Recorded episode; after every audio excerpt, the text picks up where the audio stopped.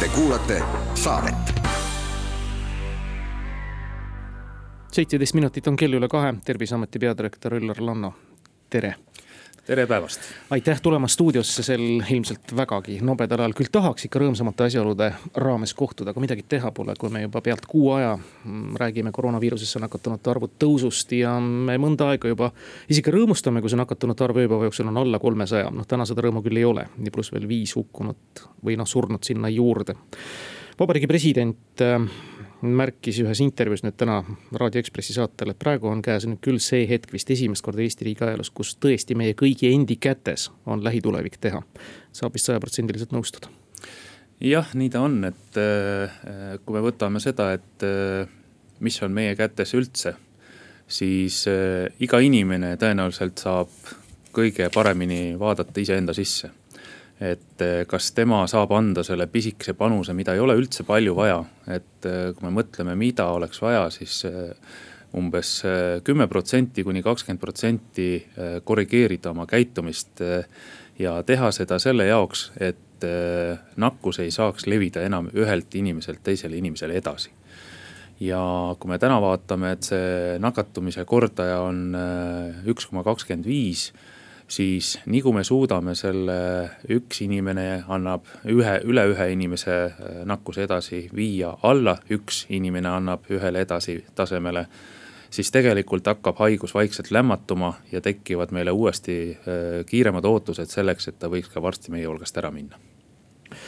ja kuidas nüüd tollega on, professor Krista Fischeri erakordselt täpsed prognoosid on ette näinud ja suhteliselt hästi ennustanud ära ka täna haiglas olevate inimeste arvu. ja see prognoos, mida nüüd eilsest päevast loen, praeguse trendi jätkudes tuhat koroonahaiglat haiglates, no kuulge, see on ju kollaps meie tervisesüsteemile. Äh, ma tahaks tõesti loota, et see nii, nii ei lähe ja kui ma vaatan äh, üleüldse üle Euroopa äh, toimuvaid protsesse, siis äh, tõenäoliselt see ootus, et Eesti jääbki selliseks roheliseks oaasiks koos Soomega.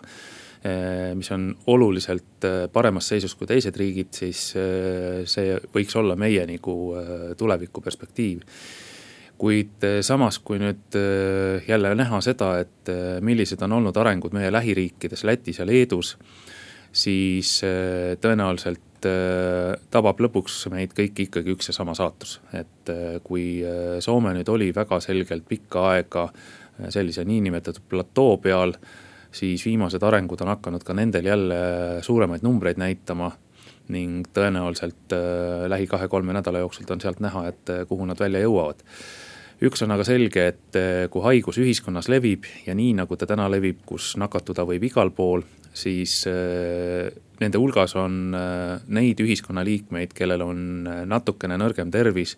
või kellel on olemas juba elu jooksul välja arenenud haigusprotsessid mille tagajärjel nad satuvad haiglasse ja kui nad satuvad haiglasse ja nende seis on enne haiglasse sattumist juba olnud halb, siis on suur tõenäosus, et nad satuvad ka intensiivravi osakonda. Ja siis on ka see, et tuleb reaalselt võidelda oma elu eest ning eh, nüüd, kui vaadata neid surmasid, kes meil täna on olnud, siis need on ikkagi eh, olnud küll eh, seal elu lõpu viimase kümne-kahekümne hulgas olevatel inimestel. aga kui mõelda selle peale, et mida suuremaks muutub haiglatesse pealevool seda suuremaks muutub tõenäosus, et nende hulgas võib olla ka neid vanemaealisi ja isikuid, kes ei suuda sellele katsumusele enam vastu pidada kui head teadmised meil on, ehk siis see küsimus püsib, et mis kirp see viirus on, et ta sedavõrd nakkav on osade suhtes ja noh, praktiliselt ei millestki kohe külge hakkab ja nõnda laia areaaliga võtab. hoolimata sellest, et kõikvõimalikke ettevaatusabinõusid on rakendatud, siin on alati Kesk-Euroopa näidet toodud, et panime lukku, maskid kohustuslikuks.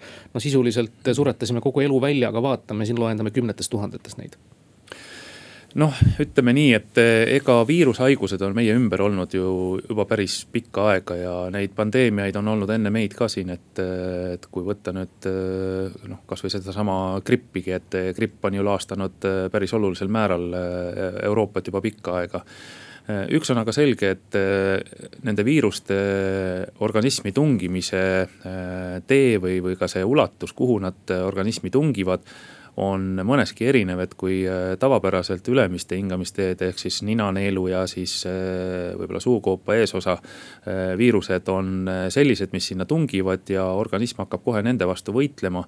ning selle järgselt noh, mõningatel areneb see välja kuni kopsupõletiku tasapinnani välja, aga need on juba väga rasked juhtumid kui me vaatame nüüd koroonaviiruse sellist eelistatud meelispaika, siis ta hingatakse kiiresti endale nina tahaneelu ja tina, nina tahaneelust, äh, sealt ei ole ju väga raske arvata, et äh, raskusjõu mõjul kõik see liigub läbi häälepaelte allapoole. ja kopsukude äh, on tegelikult see, kuhu see koroonaviirus tahab välja jõuda ja nii kummaline, kui see ei ole, siis ta ei lähe sellesse ühte kohta võib-olla nii nagu tavapäraselt viirusliku kopsupõleti puhul, puhul on. vaid ta suudab seal kopsu sees ikka haarata küllalt massiivse ala ja see see kõige halvem asi ongi see jutt on nüüd kõigile neile suunatud, kes võib-olla natukene kõhklevad ja arvavad maski vajalikkuse olemasolu üle, aga jätame selle sinnapaika, ma saan aru, et see üritus ka suuresti tänu teile, hea terviseamet. Oli määratud suhteliselt nurjuma, see, mis oli tänaseks planeeritud ja millest ülemäära palju, isegi liiga palju juttu tehti. kuidas nüüd on, leedulaste puhul kardeti või ilmselt äkki oligi see tõsi, et üks Žalgirise mäng pani vist põntsu sellele, et nad loendavad juba pealt kahe tuhande ööpäevaseid nakatunuid. meie puhul me oleme seda hästi hoolikalt jälginud ja kuidas on praegu avalike ürituste korraldajad, telefon on teil punane, mis on teil üleüldisem soovitus, nii et võib-olla järgmisi kõnesid vältida? No tegelikkuses me võime täna näha sellist asja, et eh, ohutu ei ole eh, suuremates inimkooslustes olla Harjumaal Äh, ohutu ei ole pealinnas. Äh, väga kõrge on nakatumise risk täna äh, Ida-Virumaal, eriti just Narvas, Kohtla-Järvel ja Sillamäel me märkame täna juba tõusvat riski Tartus ja Tartu ümbruses. Aga tegelikkuses me võime nüüd, kui allapoole minna, vaadata, siis meie suuremad signaalid tulevad ka juba Valgamaalt, siis Viljandimaalt ja, ja Pärnumaalt ehk eh, see fookuspunkt on veel Põhja-Eestis, kus on väga kõrge nakatumine risk, et noh, kui me võtame lihtsa näite. Tallinnas on täna meil umbes viisteist tuhat inimest, keda me jälgime selle teema pealt. Ja kui hinnata nüüd eh, pealinna neljasaja tuhandeks või seal ümbrust kaasa võttes pooleks miljoniks inimeseks. siis lihtne matemaatiline arvutus ütleb juba seda, et umbes kolmekümne liikmeline grupp on selline, mille sees võib olla üks inimene, kes nakkust edasi levitab et kes, kes see on meie ümbert, siis seda me tõenäoliselt ei tea. aga kui me läheme täna kohta, mis on siis suur müügitunglemine allahindluskampaaniaga mingis kaubanduskeskuses. Siis noh, tõenäoliselt on see koht, kus me seda nakkust võime saada. Üllar Lanno mm, kui halvaks ajaks või järgnevaks paariks nädalaks me peaksime igaks juhuks valmis olema, milliste võib-olla piirangutega arvestama, piirangutest lähtub Vabariigi Valitsus, tema neid kehtestab. ja natukene ka kohalikud omavalitsused sellest, mida ütleb neile Vabariigi Valitsuse Teadusnõukogu ja kindlasti ka Terviseamet oma soovitustega no ma pigem ütleksin täna niiviisi, et äh, kus on veel need kasutamata reservid. ma toon lihtsa näite, et mul on äh, olnud üks äh, Eestis elav välismaalane, kes siin elab lihtsalt oma töö tõttu ja on üks välismaalane, kes on, kes on tulnud Eestisse maapakku selle tõttu, et siin olid väga leebed tingimused. ja mõlemad need välismaalased ütlevad meile ainult ühte asja, et te, te elate nagu ikkagi äh, kuningriigis täna, kus on luksus veel käia väljas restoranis söömas, kus on võimalik teha sporti, kus on äh, võimalik käia kinos ja teatris. ja see ongi seesama, äh, ütleme, avatus, mis meil täna veel kasutada on kui mõelda nüüd seda, et eh, kus viirus tegelikult levib või kuidas seda eh, kätte saab, siis nii mõni aeg tagasi me tunnetasime ära seda, et meil on eh, vanemas koolieas ehk siis gümnaasiumiastmes on väga ulatuslik levik, mis välja paistab siis täna me saame öelda seda, et igasugune huvitegevus, kus erinevad vanusegrupi inimesed segunevad omavahel ja käivad seda tegemas koos episoodiliselt nädalas ühes korras, ühes kohas siis eh, nende poolt sisse toodud nakkuse kaudu kantakse järgmisena laiali see kogu sellesse eh, sihtkohta, kus see inimene edasi läheb. et kui inimene töötab kindlas töökohas koos, siis reeglina ta selle oma töökollektiivi sees nii kergesti seda nakkust ei saa, küll aga nende huvitegevuste kaudu, kas see on siis ütleme. pühapäevaõhtune korvpallimäng omavahel mingisuguste meeskondade vahel, on see mingi laulukoor, on see mingisugune teine ühisharrastus nii et äh, sellest ma nagu ütlen võib-olla nii palju, et see harrastuste kinnipanek on nüüd see järgmine asi, mida tõenäoliselt tuleks meil ette mõelda. hästi kiire küsimus, kui palju kordi teid on testitud? mind on testitud ühe korra. ma vastust ei hakka küsima, sest muidu te siin stuudios ei olekski. Te kuulate saadet kolmkümmend kolm ja pool minutit on kell üle kahe. stuudios on terviseameti peadirektor Üllar Lanno ja kuulajatel on hea võimalus nüüd küsida kõike seda, mis puudutab Covid-19 viirust, tema levikut, selle tõkestamist, ennetustegevust. ka piirangute kohta, see on hea ja haruldane võimalus, et kasutage juhust, telefon stuudios on kuus, kaks, üks, neli, kuus, neli, kuus. Eh, terviseameti telefoni korra tuletame veel meelde, kui on hädalisi, kui on kõhkleid ja nii-öelda esimesest paanikast ülesaajaid ma omalt poolt ütlen nii palju, et äh, meil on tegelikult äh, väga hea abimees, on häirekeskus ja mhm. üks, kaks, neli, seitse on see number, kuhu peale tasub helistada. aga nüüd on ka meile tulnud numbrile kuus, kaks, üks, neli, kuus, neli, kuus helistaja, tervist. ja tervist.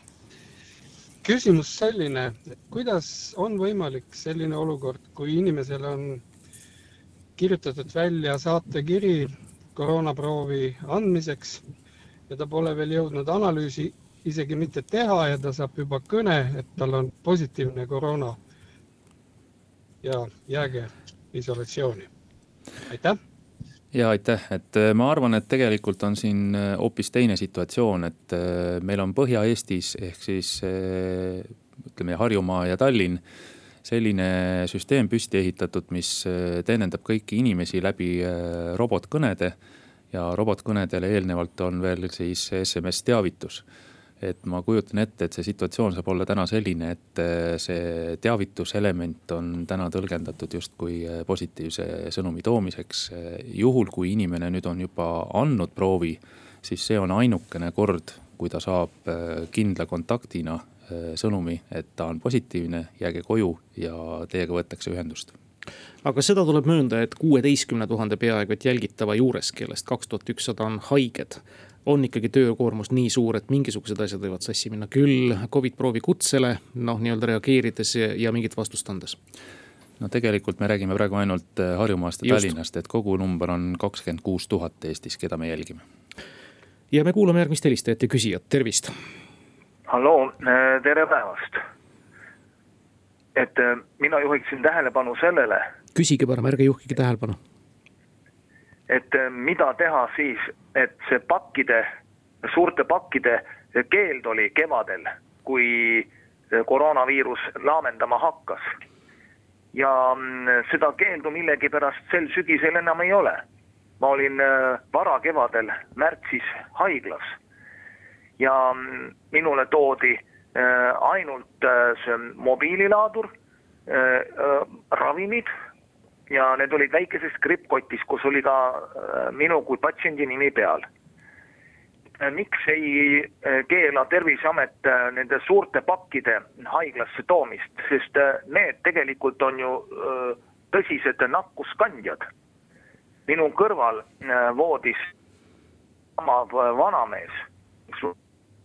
nii, siin on leviauk aga küsimuse sisu on arusaadav. ja ma sain küsimusest aru jah, et äh, tegelikkusest äh, kevadest saadik on äh, kogu tervishoiusüsteem õppinud ja jälginud kõiki neid tegevusi, mida saaks ammutada siis uue laine toetamiseks meil on välja töötatud juhised kõigile raviasutustele ja haiglate sees on omaenda siis koolituse kaudu need isikud läbi koolitatud ning on tekkinud ka teadmine, et palju see viirus seal selle paki peal äh, edasi kanduda võib. nii et ma julgen arvata seda, et kui see pakk liigub haigla sees, siis see haigla on juba teinud endast kõik oleneva selleks, et selle nakkusohu seal minimaalseks viia. kuus, kaks, üks, neli, kuus, neli, kuus ja uus helistaja ja küsija on liinil, tervist. tere päevast, mul oleks küsimus. olge hea. Eh, mind, mind huvitab, kuidas toimida spordisaalides kus toimuvad korvpalli ja võrkpallimängud ja pealtvaatajad ka osalevad. aitäh. jah, seal kõige parem meetod selle jaoks on vaadata endast paremale, vaadates ette, vaadates taha, vaadates vasakule. kui seal on kaks meetrit vahemaad järgmise inimesega ja iseendale on võimalik taskust võtta mask ja see ette panna, siis eh, on sellega tagatud kõik see, et see nakkus teile külge ei tule järgmine helistaja ja küsija, tervist. halloo.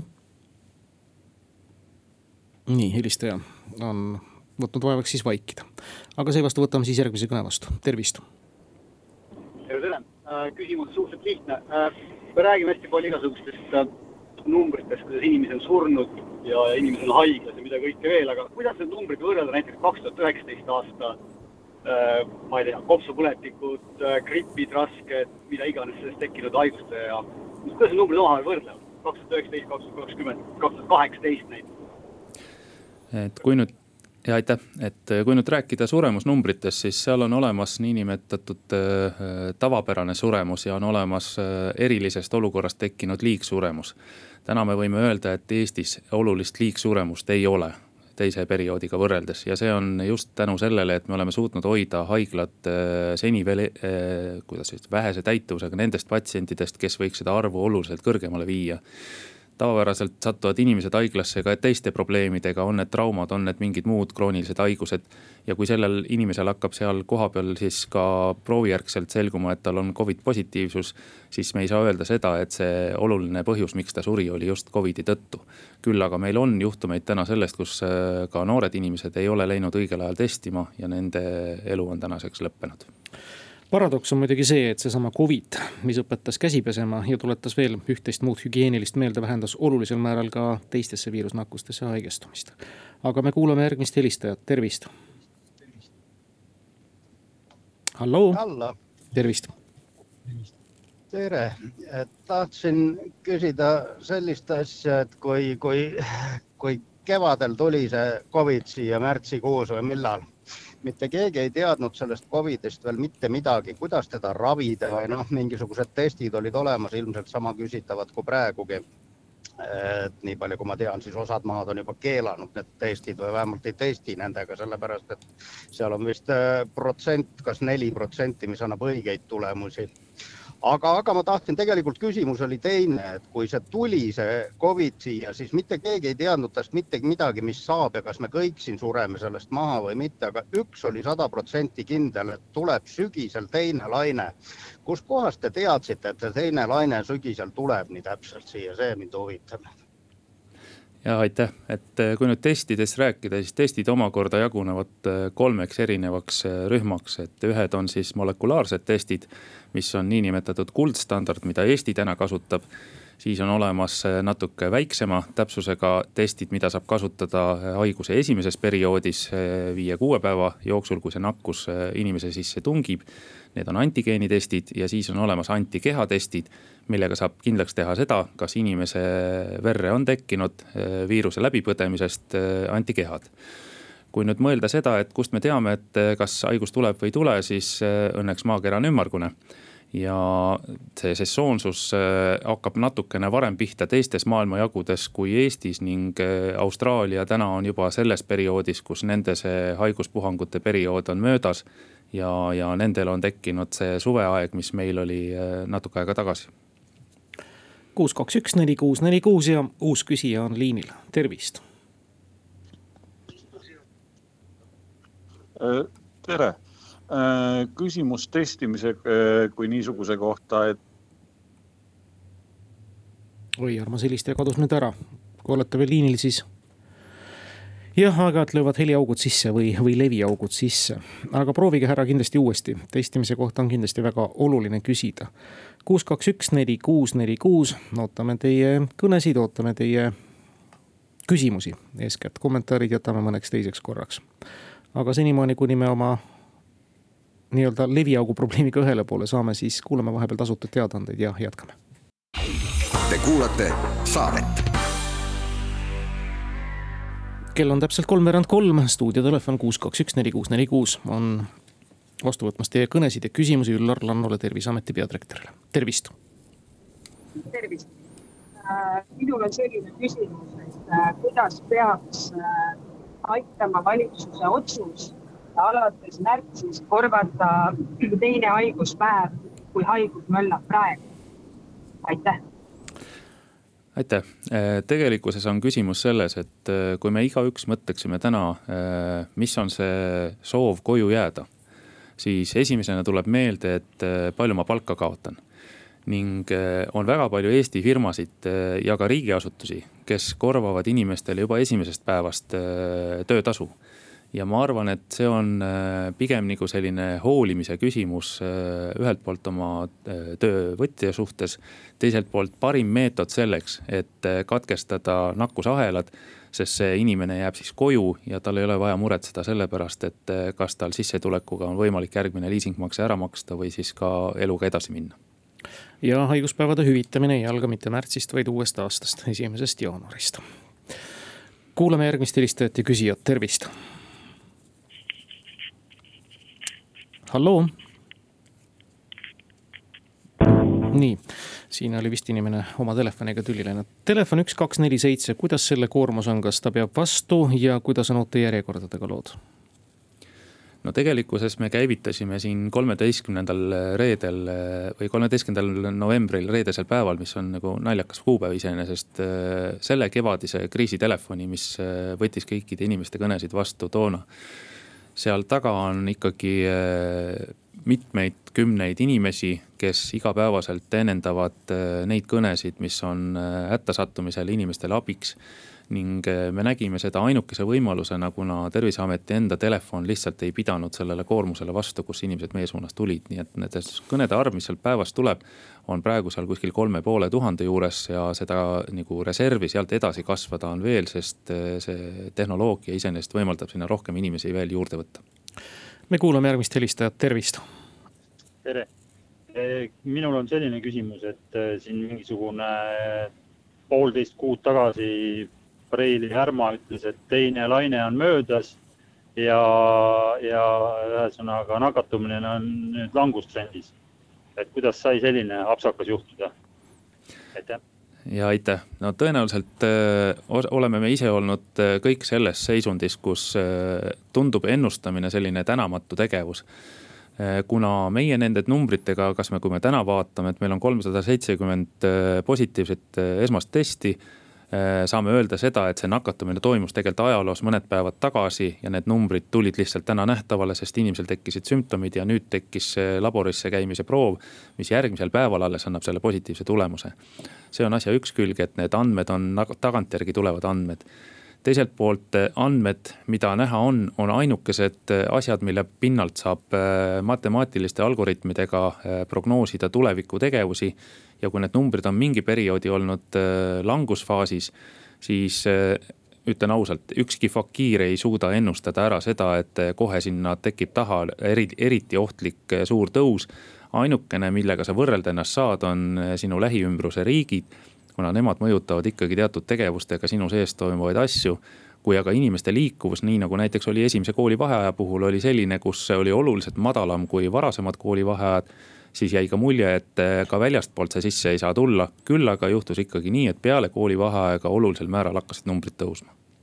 ja noh, selles ei ole paraku siis Marianne Härma süüdi et eh, nakatumine on aset leidnud ikkagi peamiselt tänu meie endi tegevusele, noh, kas tahtlikule või tahtmatule, ikka peamiselt tahtmatule. kuulame helistajat, tervist. tervist, kui kaua on eh, haigestunud inimene nakkusohtlik alates haigestumise algusest? Äh, rahvusvaheliselt on äh, selgeks tehtud, et äh, nakkuse edasiandmise võime on ühelt inimeselt teisele üheksa päeva. sellest üheksast päevast esimesed kaks päeva on sellised, kus see nakkuse hulk organismis ei ole piisavalt suur, ehk ta veel tekitaks selle tõttu organismis tõsise reageerimise. ja selle reageerimise järgselt hakkabki inimene tundma kõiki neid sümptomeid, mis tal siis nähtavale tulevad need tavaliselt tulevad välja sellise kulmineeruvana eh, viiendaks-kuuendaks päevaks. ja see on see hetk, kus me läheme testi tegema, aga umbes üheksa päeva on see kogu periood pikk, kui me võime teiselt inimeselt veel nakkust saada, mis tähendab seda ka, et kaheksandal päeval võib ka veel nakkust saada. kuus, kaks, üks, neli, kuus, neli, kuus. ootame järgmist küsijat ja sind on, tervist. tervist, minul on sihukene lihtne, ütleme tähelepanek juba pikemat aega. küsige parem, ärge tehke tähelepanekuid. maske valesti ja sellepärast ta haigestunud võib-olla palju. samane see, mis on see meditsiiniline ühekordne see sina, sinakartoni mask, väga paljudel on külje pealt on lahti käisin uuringutes haiglas, ma ei ütle, kas Ida-Lääne haiglas, vastuvõtjal naisterahval oli täpselt sama probleem. no kuidas me siis ikka seda viirust kontrolli alla saame, aitäh teile ma arvan, see on super hea küsimus, et äh, tegelikkuses ütleme, need inimesed, kes tulevad äh, nõukogude ajast, need mäletavad, et oli kunagi selline gaasimask, mida tõmmati kummiga ümber pea ja selle ümbert ei pääsenudki üksikasi välja, kui läbi selle londi ja selle, selle filtri, mis seal ees oli.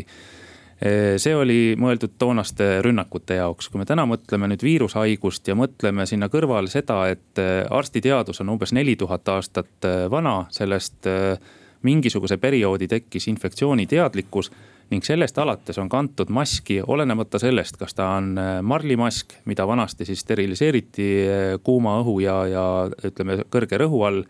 või on ta täna see ühekordne kirurgiline mask.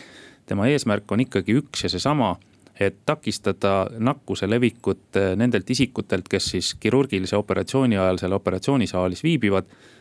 selle pisiku sattumist haava sisse see mask ei peagi olema väga tihedalt ümber näos, tema eesmärk on, esimene eesmärk on mitte paisata haigustekitajaid endast eemale teiste suunas. ja samaaegselt eh, kaitsta sind selle eest, et kui need eh, haigustekitajad on õhus ja liiguvad sinu suunas, et need ei satuks sinu nina ja suu avast sisse kuus, kaks, üks, neli, kuus, neli, kuus, võtame järgmise helistaja ja küsija kõne vastu, tervist. tere vaatasin hiljuti Belgia andmeid ja sealsed haigestunutest, kes on nagu päriselt haiged, mitte nakatunud. Nad näitavad, et paraneb seitsekümmend protsenti, sureb kolmkümmend protsenti, mis on täiesti kohutavalt suur number. mul on tunne, et see Eestis on oluliselt väiksem. kõigepealt, äh, kas on andmeid, mis on meil haigestunute surevuse protsent ja mida me teeme teisiti, et meil on inimesed kuidagi tervenevad rohkem ja aitäh, tegelikult nüüd, kui öelda, et äh, on olemas tõsi, vale ja statistika, siis äh, protsenti võiks arvutada väga paljudest numbritest ma pigem nagu vaataksin sisse, et äh, mis seda suremust põhjustab ja kui me mõtleme selle peale, et seal kõige raskem kontingent on riskigrupp ehk siis viiskümmend pluss grupp. ja mida kõrgemale vanusegruppi sa tõused, kuuskümmend pluss, seitsekümmend pluss, kaheksakümmend pluss ja üheksakümmend pluss siis kõige suurem surevus on grupis täna kaheksakümmend pluss äh, alates ehk et äh, tõenäoliselt äh, oleme me õnneseened täna olnud selles osas, et, et nakatunute hulgas on hästi palju ka füüsiliselt heas korras ja terveid inimesi. me veel eelmine nädal ja üle-eelmine nädal nägime seda, et see vanusegrupp, kõige suurem grupp oli seal seitseteist, kaheksateist, üheksateist aastat vanused noored ning järgmine grupp oli nende enda vanemad, kes ühe katuse all elasid et see vaikselt on nüüd tagasi täis hakanud kasvama teiste inimeste arvelt, mis siis tekibki huvitegevuse käigus. küll aga need on kõik veel sellised inimesed, kes ei kuulu kõrge, kõrge riskigruppi. kuus, kaks, üks, neli, kuus, neli, kuus, telefon on taas helisenud, tervist. halloo midagi, ma vaatan praegu rahvusvahelisi numbreid, kui siin viimane helistaja tõi näiteks Belgia, Hiinas läinud ööpäeval. teate, palju nakatunuid oli? ei tea. viis, on see usutav? Üks koma kolm miljardit versus üks koma kolm miljonit, et äh, ma ütleks, et ma ei usu seda jah, ma ka mitte. ehkki Hiinast ei ole tõesti tükk aega selliseid uudiseid tulnud, nagu tuli läinud aasta talvel. aga me kuulame nüüd helistajat, tervist. halloo. hallo. ja tervist. tervist. küsige, olge hea tahaksin küsida teie käest, et, et võib-olla räägiks nüüd maski kahjulikkusest. me hingame päevad otsa sisse endale nüüd sunniviisiliselt CO2. see, mida me toodame ise. aga mida teeb see lapse noorele ajule või rasedatele? mida see teeb, kui me päevad otsa hingame süsihappegaasi ja mask on kohustuslik, kas see on normaalne? vahetada Eestimaa värske õhk süsihappegaasi vastu, no see on ikka hullumeelsus.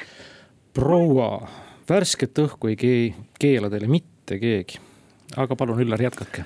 jah, aitäh, et äh, ma toon lihtsa näite võib-olla teile, et äh, kui te olete kinnises ruumis, äh, kas see on ühissõiduk või, või on see lihtsalt selline väikene müügikoht, kus te olete ja seal on palju inimesi pungil täis. siis seal, ka seal süsihappegaasi hulk tõuseb välja hingatavas õhu, õhu tõttu selle hulgaliste inimeste sees olles piisavalt kõrgele selleks ei pea iseenda süsihappegaasi sisse hingama. teisalt on inimese organism püsti ehitatud nii, et ka sissehingatavas õhus on mingi osakaal sellel olemas ja eh, hapniku eh, siis tunnistamise keskus ajus eh, saab aru sellest, kas see õhk on piisava rikastatud hapniku osakaaluga või mitte. ja inimese, ütleme siis enda reageerimisvõime on see, et ta lähebki lihtsalt teise kohta, kus tal on värske õhk, nii et. ma seda küll ei ütleks, et nüüd see maski ettepanek on nüüd sedavõrd ohtlik tegevus inimese, kas siis hingamisel või hapniku kättesaamisel, et see kahjuks on arenenud evolutsiooni käigus juba väga pikka aega, nii et äh, inimene saab oma hapniku ikkagi kätte ja ma nii palju täiendan, et minu teada Vabariigi Valitsus ei ole kehtestanud kohustust Eestimaa värskes õhus maski ette kanda, nii et äh, olge nii head, see on pigemini soovitus, liikugegi värskes õhus ilma maskita, tundke rõõmu. aga lõpetuseks, et nüüd vähe positiivsema noodiga, me kõik ootame vaktsiini, me oleme siin saanud uudiseid, väga lootustandvaid, kõrged õnnestumise protsendid vaktsiinidel, kus kaugel me oleme, kuidas meil selles vallas läheb? Jah, nende vaktsiinidega on tegelikkuses äh, olukord selline, et äh, me oleme Euroopa Liidus kõigi teistega ühes samas äh, mudelis ja kõik ravimid, mis lubatakse Euroopa Liidus turule, need tuleb eelnevalt registreerida Euroopa Liidu Ravimiametis. täna on sinna taotluse teinud mitmed firmad, nendest kaks tükki on jõudnud kõige kaugemale oma esitatud dokumentidega, aga müügiluba nad veel saanud ei ole.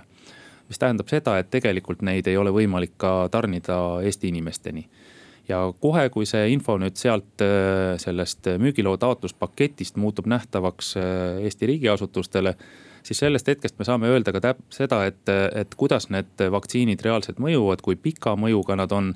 ja, ja sellel hetkel on meil olemas ka juba käivitatud protsessid mis eh, täna vaatavad üle seda, et eh, kuidas on ladustamistingimused, kuidas on laialijagamistingimused ja kuidas on ka reaalselt inimestele süstimise protsessid üles ehitatud.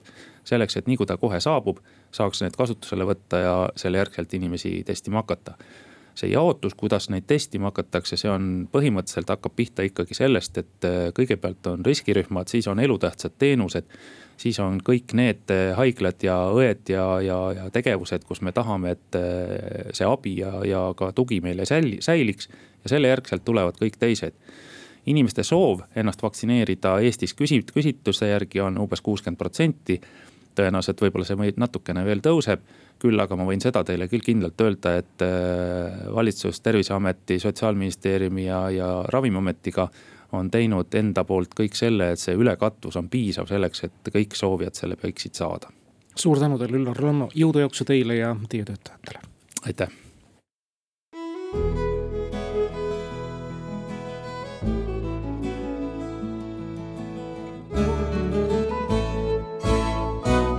raadio Kuku